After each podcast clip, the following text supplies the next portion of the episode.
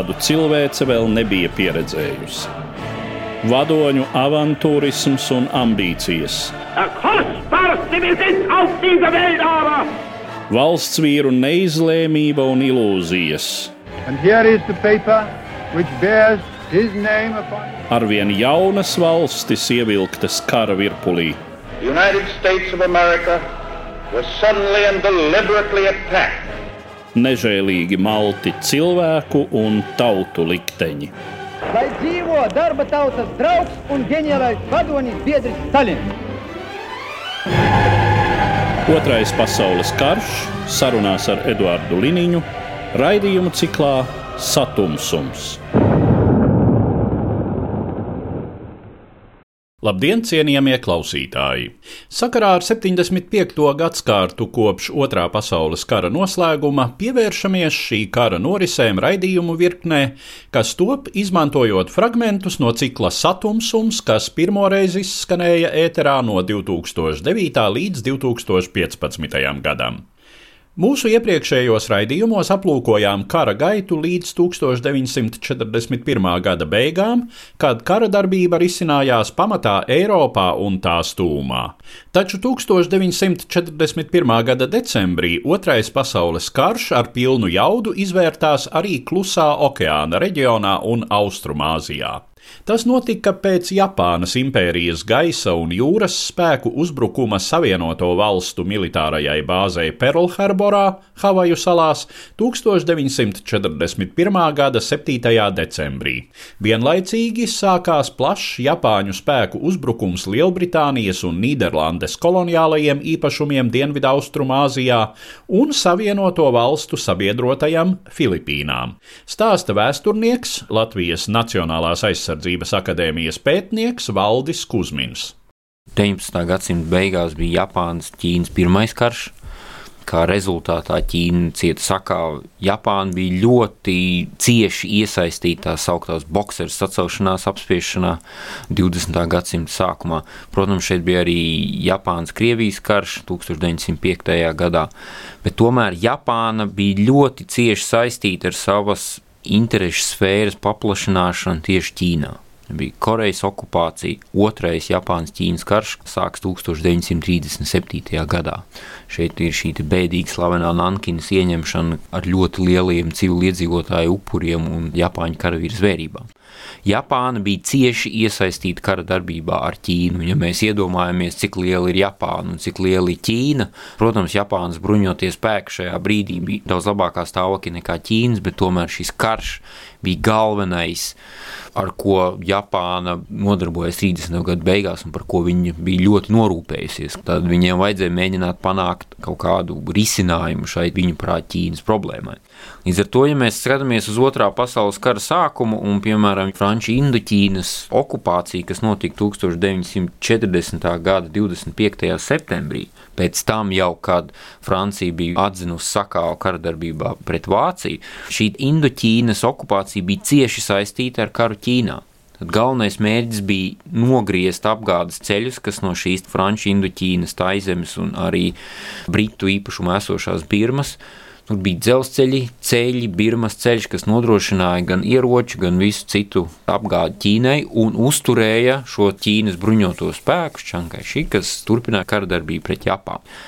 Pēc šīs Frančijas, Indoķīnas, mūsdienu Vietnamas okupācijas rietumu sabiedrotie, tajā brīdī Lielbritānija un ASV, uzskatīja, ka šī Japānas agresija ir jāierobežo. Un kā rezultātā tika ieviests pilnīgais embargo pret Japānu, Un 41. gada 26. jūlijā ASV iesaldēja visas Japānas finansu līdzekļus ASV.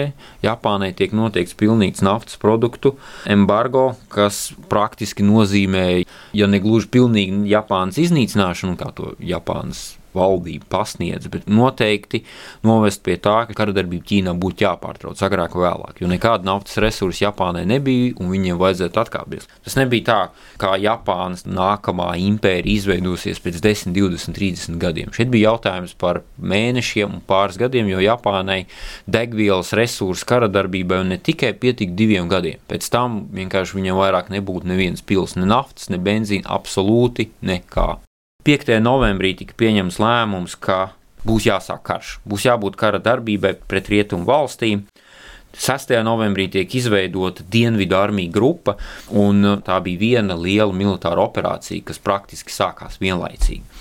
Uzbrukums ASV flotes bāzē Perlharborā, Havaju salās 7. decembrī notika vienlaicīgi ar Japānas bruņoto spēku un Japānas kara flotes uzbrukumiem Filipīnās, un arī tika sākta uzbrukuma operācija pret Britu pārvaldīto teritoriju Malaizijā, kā arī neitrālās taizemes okupācija šajā brīdī.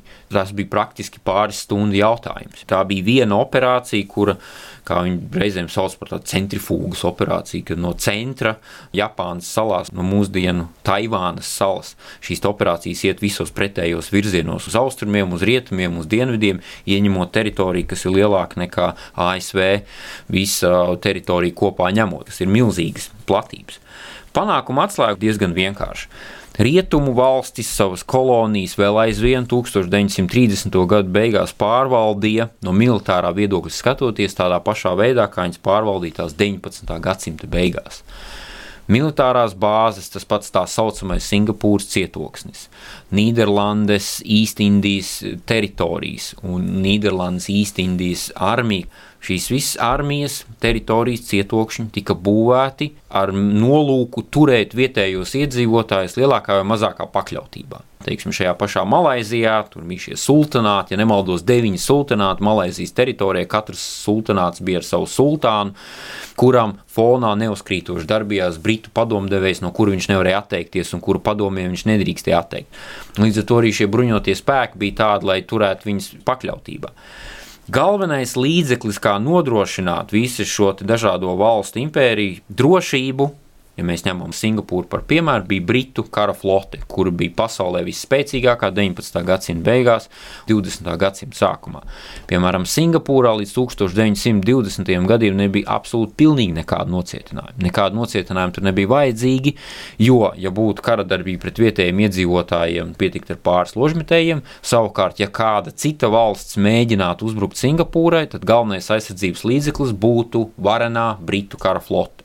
Līdzīgs ir arī ar šo Nīderlandes īstindijas armiju. 41.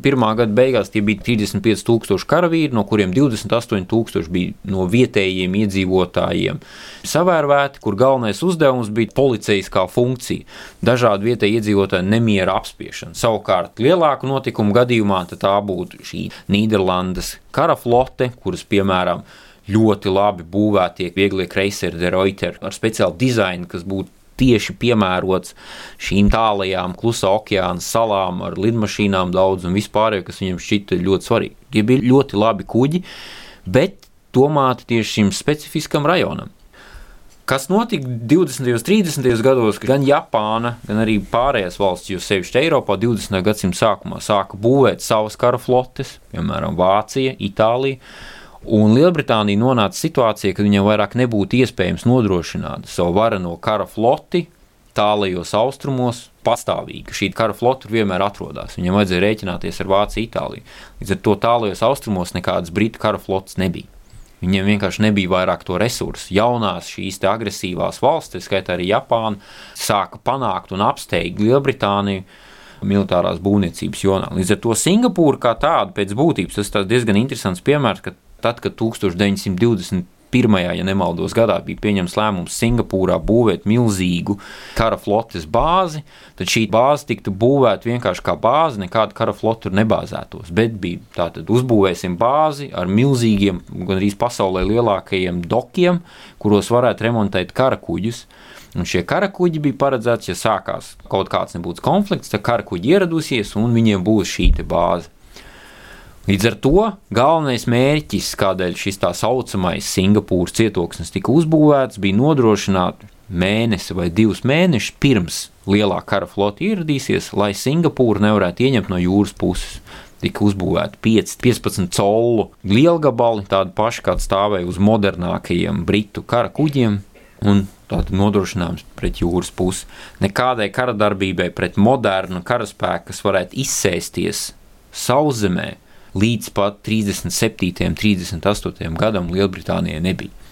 Un reāli pēc tam, kad viņi konstatē, ka Japānas sauszemes spēki ir pietiekami apmācīti, lai varētu izsēsties, un Briti zināja, jo 37. un 38. gadā vēlākais augstākais komandieris Malaizijā Tad viņš jau bija pulkvedis Arthurs Persivals, rakstīja par to, ka, ja notiks iebrukums Singapūrai, visdrīzāk notiks izsēšanās Taizemes dienvidu daļā un Malaisijas ziemeļdaļā, kur Japāņi izsēdīsies, un pēc tam pārsimt km uz dienvidiem notiks šis uzbrukums. Ar to viņi rēķinājās. Bet problēma ir tā, ka Britiem šajā brīdī vairs nebija resursu, lai pretotos šādai desanta operācijai. Protams, šis jautājums par Singapūru lielākā kapitulācija bruņoto spēku vēsturē ir vismaz piecas teorijas, kāpēc Singapūra krita un kas bija par galveno iemeslu. Teiksim, viena ir pārāk liela paļaušanās uz Britu kara flotes varenību, kura vēl bija 20. gada sākumā, bet vairs nebija 30. gada beigās un otrā pasaules kara sākumā. Nākamā teorija tas, ka Briti upurēja Malaiziju 41. gada beigās, viņiem bija daudz svarīgāk nodrošināt Britu salu aizsardzību un kara darbību tuvajos austrumos, Suecas kanāla aizsardzību Tāpat arī tika sūtīti tanki un lidmašīnas uz Padomju Savienību, un Čērčils apzināti upurēja Malaiziju 41. gada decembrī ar tādu domu, ka, lai arī ko mēs aizsūtītu uz Singapūru, tas nekādā gadījumā nemainīs Singapūras likteni. Ja mēs varēsim, tad mēs palīdzēsim, ja nē, nu tad neko darīt. Un viena no Čērčila galvenajām lielajām idejām balstījās uz to, ja Japāna sāks agresiju tajā skaitā arī pret Britu īpašumiem tālajos austrumos, tas automātiski nozīmēs ASV iesaistīšanos karā, un ja reiz ASV iesaistīsies karā, tad Japānai nav variantu, viņš šo karu agrāk vai vēlāk zaudēs. Tas principā arī atbilst patiesībai. Japāna šo karu zaudēja, jo viņai nebija nekādas iespējas pretoties ASV potenciāliem militāriem spēkam, kas vēl nebija reāls 41. gadā, bet kļuva reāls 44. un 45. gadā. Turpina vēsturnieks Latvijas Universitātes profesors Inesis Feldmanis. Japānas un ASV attiecības jau kopš 41. gada sākuma ir diezgan sarežģītas. Valstu attiecības vēl vairāk sarežģījās 41. gada jūnijā, kad Japāna iebruka Indoķīnā un Amerika uz šo Japānas iebrukumu Indoķīnā reaģēja ļoti, ļoti asi. Tā laika amerikāņu prezidents Franklins Delano Roosevelts pieņēma lēmumu faktiski sākt tirzniecības karu pret Japānu. Japāņi šo Amerikas Savienoto Valstu pieteikto tirzniecības karu, jeb šie pieteiktos embargo, uztvēra kā amerikāņu centienus ne tikai ierobežot Japānas tālākās attīstības iespējas, bet iznīcināt faktiski Japānu kā lielvalsts. Tāpēc arī pakāpeniski Japānas valdošajās aprindās šī doma nobrieda. Te jāņem vērā arī tas moments, ka daudz šīs Dienvidaustrumāzijas valstis, kam Japāna plānoja uzbrukt vai kolonijas, tās jau bija ļoti bagātas ar izēvielām. Un līdz ar to Japāna arī šādā veidā nu, cerēja atrisināt visas savas ekonomiskās problēmas, kādas viņai bija kā valstī, kam ir ļoti maz pašai savu izēvielu. Japāņu stratēģija bija tāda, viņi amerikāņus uzskatīja par ļoti gļēviem. Amerikāņi nekad necīnīsies ar pilnu spāru šajā klusā okeāna reģionā, Dienvidu-Austrumāzijā, jo tad amerikāņiem jau faktiski tur būtu jācīnās par tādu teritoriju atgūšanu, nu, ko sagrābuši Japāņi, kas arī amerikāņiem vēlāk būtu jādod citām valstīm. Tāpēc viņu stratēģija bija ļoti vienkārša. Cīņā pret amerikāņiem viņi balstījās galvenokārt uz trim atziņām. Tā pirmā, ka Japāņi plāno zibenskaru, viņi gribēja maksimāli ātri iekarot iespējami plašākas teritorijas Dienvidu-Austrumāzijā. Otrkārt, ja amerikāņi grasītos Japāņus no iekarotiem apgabaliem padzīt, tad um, Japāņiem būtu jāmēģina amerikāņiem nodarīt tik lielu zaudējumu, lai amerikāņi būtu spiest atteikties no cīņas un piekrist jaunam status quo. Un uh, trešā ideja, ka Japāņi uzskatīja, ka tiešām amerikāņu tauta ir izlutināta un gļēva viņu skatījumā, un kā izlutināta un gļēva tauta tā nekad neuzņemsies tik lielus izdevumus un neriskēs ar tik daudzām dzīvībām, kas ir nepieciešams, lai atkarotu Japāņu ieņemtās teritorijas, no kurām vienalga amerikāņiem būtu jāatsakās vai jādod citām kolonālajām lielvalstīm. Šī Japāņu stratēģija jau pēc uzbrukuma Perl-Harborai 1941. gada 7. decembrī uzreiz izrādījās ļoti, ļoti kļūdaina. Jo šis Japāņu uzbrukums vārda tiešām nozīmē izaicināja Ameriku, izaicināja visu amerikāņu tautu. Līdz tam faktiski amerikāņu valdība saprata, ka Amerikai ātrāk vai vēlāk būs jāiesaistās karā, un Amerika faktiski jau de facto cīnījās Lielbritānijas pusē, ja, bet nu, formāli viņi bija joprojām neitrāla valsts, bet amerikāņu tauta savā lielā vairākumā arī vēl 41. gadā bija pret Amerikas Savienoto Valstu iesaistīšanos militāros konfliktos. Viņi pieturējās pie senās amerikāņu ārpolitiskās doktrīnas, pie izolacionismu doktrīnas, uzskatīja, ka amerikāņiem nu, nav šajā karā jāiesaistās. 39. gadā bija notikusi aptauja pēc Vācijas uzbrukuma Polijai, tad vēl pat 86% amerikāņi bija pret ASV iesaistīšanos karā. Bet šis Japāņu uzbrukums vienas dienas laikā pārvērtība izmainīja amerikāņu tautas psiholoģiju. Viņi reaģēja ļoti, ļoti asi. Piemēram, Perlharborā amerikāņu flote cieta diezgan liels zaudējums. Tā saucamā līnija kuģu flote, ja visi astoņi šajā bāzē esošie līnija kuģi tādā vai citādā veidā tika skarti un vairāk tika pat pilnīgi nogremdēti. Kopumā tur 18 kuģiem tika nodarīta kāda skāde, bet Japāņi ar šo uzbrukumu Perlharborai nesasniedz divus galvenos mērķus. Pirmais galvenais mērķis šeit Perlharborā neatradās amerikāņu aviācijas bāzes kuģi. Trīs aviācijas bāzes kuģi atradās citur. Un otrais, ko Japāņiem neizdevās, neizdevās, viņiem neizdevās iznīcināt tojās savās uzkrātās eh, naftas rezerves. Tad, kad viens no šiem aviācijas bāzes kuģiem nākošā dienā, 8. decembrī, atgriezās Perlharboras ostā un ieraudzīja to lielo postāžu, kas ir pēc Japāņu lidmašīnu uzbrukumiem, tad eh, šī aviācijas bāzes kuģa Enterprise eh, kapteinis, kontradmirālis Halsejs niknumā izdvēsa. Tad, kad mēs pievarēsim Japāņus, tad Japāņu valodā runās tikai vēl LV. Pret Japānu uzplaiksnīja Amerikā ļoti liels naids, un šis naids noveda pie daudzām negatīvām parādībām, ka vairāk nekā 100 tūkstoši Japāņu izcelsmes amerikāņu tika ievietoti nometnēs, e, pasludināti ārpus likuma un uh, izsekoti.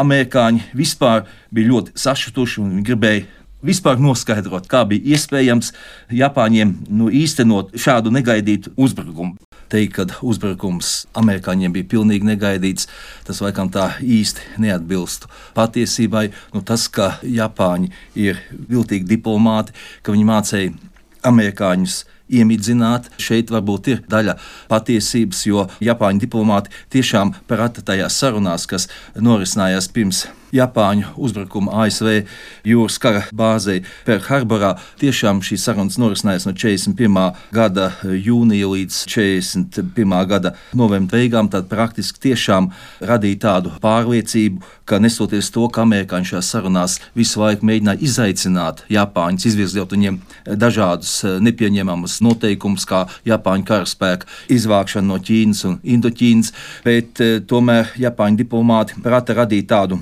pārliecība amerikāņos, ka viņš šīs sarunas nepārtrauks, ka viņš šo dialogu turpinās. Nu, šādā aspektā varbūt Japāņu diplomātiem tiešām izdevās eh, amerikāņus iemidzināt. Amerikāņi tieši nedomāja, ka šis uzbrukums notiks eh, Havaju salām, notiks eh, Perlharborai, bet nu, viņi principā uzbrukumu gaidīja. Viņi vairāk gaidīja uzbrukumu Filipīnām. Un viņi ļoti labi, amerikāņu izlūkdienas, eh, zināja, ka Japāņi ir izšķīrušies, atrisinājuši savu strateģisko dilemmu, respektīvi uzbrukums ziemeļos pret PSRS vai uzbrukums uz dienvidiem. Japāņu valdošās aprindas šo strateģisko dilemmu savu ir atrisinājušas un pieņēmušas lēmumu uzbrukt uz dienvidiem. Bet viņi katrā ziņā bija pārliecināti, ka viņi ir tik stipri, ka Japāņi neriskēs uzbrukt amerikāņu kara bāzē Perlharborā un praktiski neviens Amerikā no vadošiem politiķiem, laikam, un no vadošajiem militāriem speciālistiem tajā laikā nu, šādai iespējai neticēja vai tikpat kā neticēja.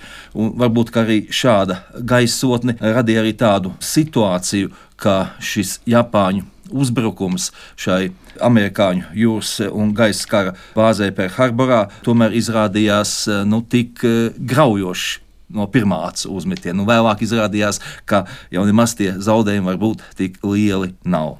tik liels militārais potenciāls, kāds bija Amerikas Savienotām valstīm tajā laikā, nebija nevienai citai valstī. Pēc 1937. gada datiem faktiski amerikāņiem piederēja tuvu pie 40% no pasaules militārā potenciāla. Nu, šo militāro potenciālu dažādi aprēķina, ņemot vērā valsts eh, nodrošinātību ar izēvielām, ar zelta rezervēm, ar valūtu, valcētu darba spēku, kāds ir rūpniecības jaudas. Un šeit neviena cita valsts jau eh, Amerikas Savienotām valstīm netuvumā nestāvēja. Nu, piemēram, Vācijas un Padomju Savienības šis militārais potenciāls tika vērtēts gandrīz kā līdzvērtīgs un mazliet pār par 14%. Un Ameriku jau tolaik dēvēja par snaudošo milzi. Tas, kā Amerika ir snaudošais milzis, to viņi arī parādīja otrā pasaules karā. Neviena valsts līdzi tad netika. Es saku, līdz 43. gadā, kad tika uzņemti šie vislielākie apgriezieni, tad jau amerikāņi ražoja gandrīz trīs reizes vairāk militārās produkcijas nekā Padomju Savienība vai nekā Vācija. Un Amerika ražoja viena pati daudz vairāk nekā visa Vācijas nometne kopā. Šo momentu dabiski Japāņi jau zināja, bet Japāņi jau tāpēc arī lika to akcentu uz zibens karu un šādā veidā cerēja gūt panākumus. Bet, protams, no Japāņu skatījuma, ja mēs vērtējam Japāņu tā laika valdošās aprindas un viņu šī politika bija avantūristiska un tā arī ļoti drīz tas parādījās, jo pirmajos piecos mēnešos pēc uzbrukuma lielus panākumus Japāna guva, bet 42. gada jūnija tā, tā slavenā kauja pie Midvejas salām, tad iestājās pavērsienu moments Klusā okeāna frontē un amerikāņu rokās pilnīgi pārgāja iniciatīva, un praktiski jau Japāņi šeit eh, vairs nu, nespēja aizstāvēt pēc šīs kaujas savas intereses ļoti tālu no saviem krastiem.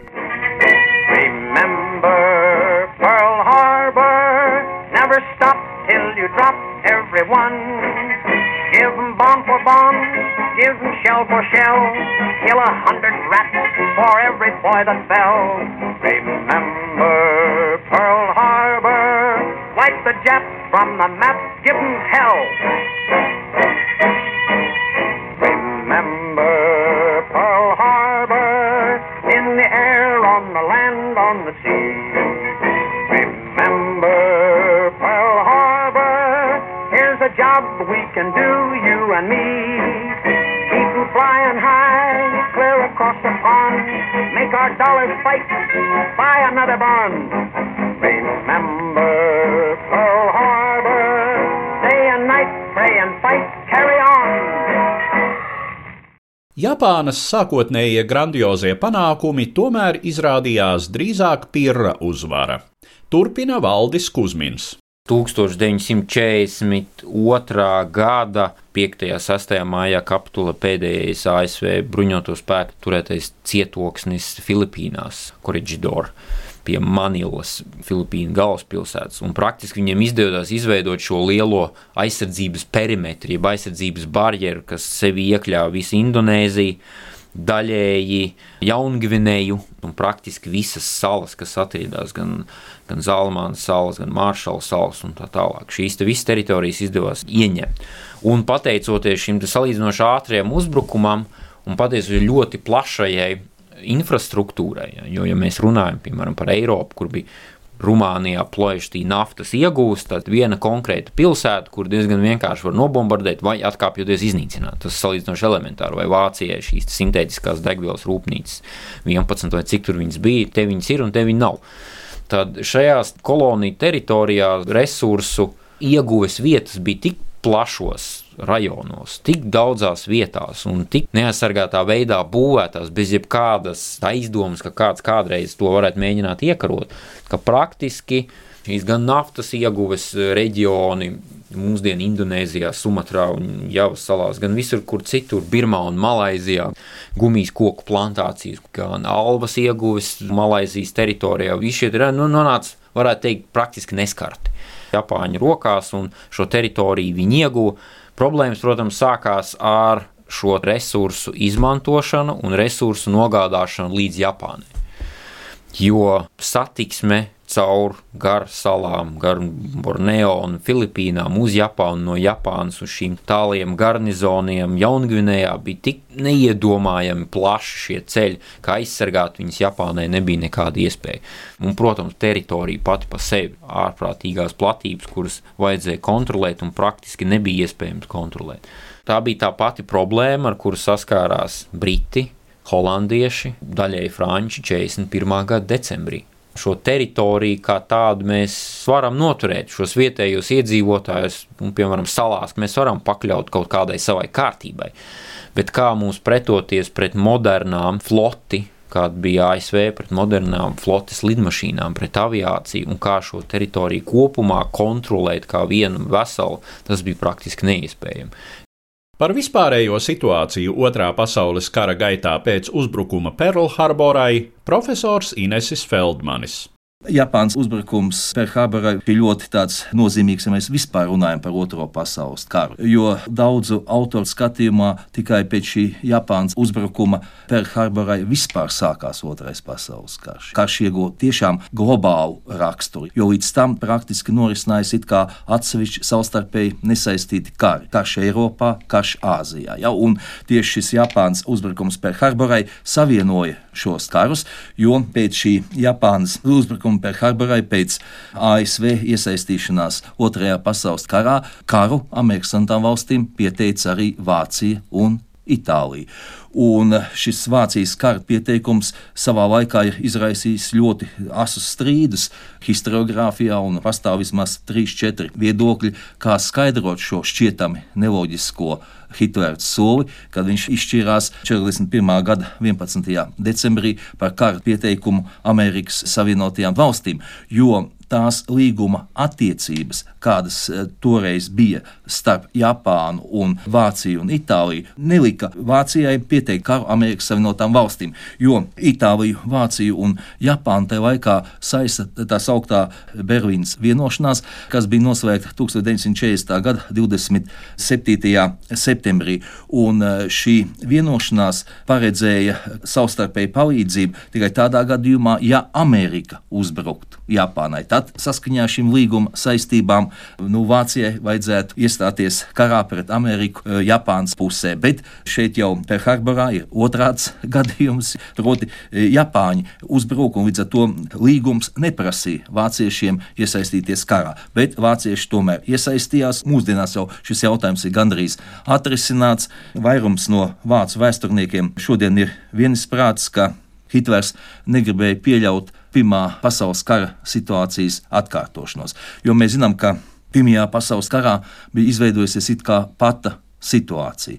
Vācija bija guvusi uzvaru austrumos pret Krieviju, rietumos bija iestājies tās spēku līdzsvars, un šeit šo spēku līdzsvaru, jeb šo pata situāciju, izjauca 17. gada pavasarī ASV iesaistīšanās karā, kas nosvēra kara kausus par labu Antantei, un Vācija cieta sakauta. Hitlers negribēja šādas situācijas atkārtošanos, un tāpēc pirms viņš pieteica karu Amerikas Savienotajām valstīm, viņš saņēma no Japānas valdošām aprindām apliecinājumu, ka Japāna nekad neizstāsies no otrā pasaules kara. Līdz ar to Hitlera strateģiskais koncepts bija tāds, ka Japāna tomēr ir tik spēcīga, lai piesaistītu sev zināmu Amerikas Savienoto Valstu spēkus un arī Britu spēkus, nu, kas neļautu Amerikai katrā ziņā pilnu jaudu karot Eiropā pret Vāciju. Vispriecīgākais no lielvalstu pārstāvjiem par to, ka Japāņi uzbruka amerikāņiem, neapšaubām bija Britu premjerministrs Winstons Čerčils. Viņš to savos memoāros, ja nemaldos, ir nosaucis par laimīgāko dienu savā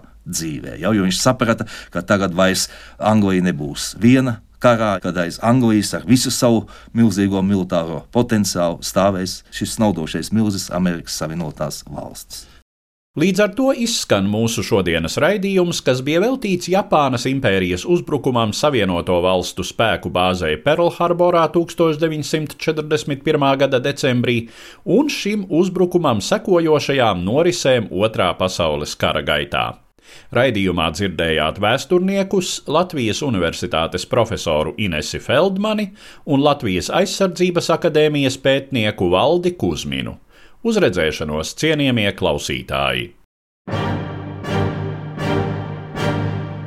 Raidījumā šīs dienas acīm cikls Satumsums - sarunas par Otro pasaules karu.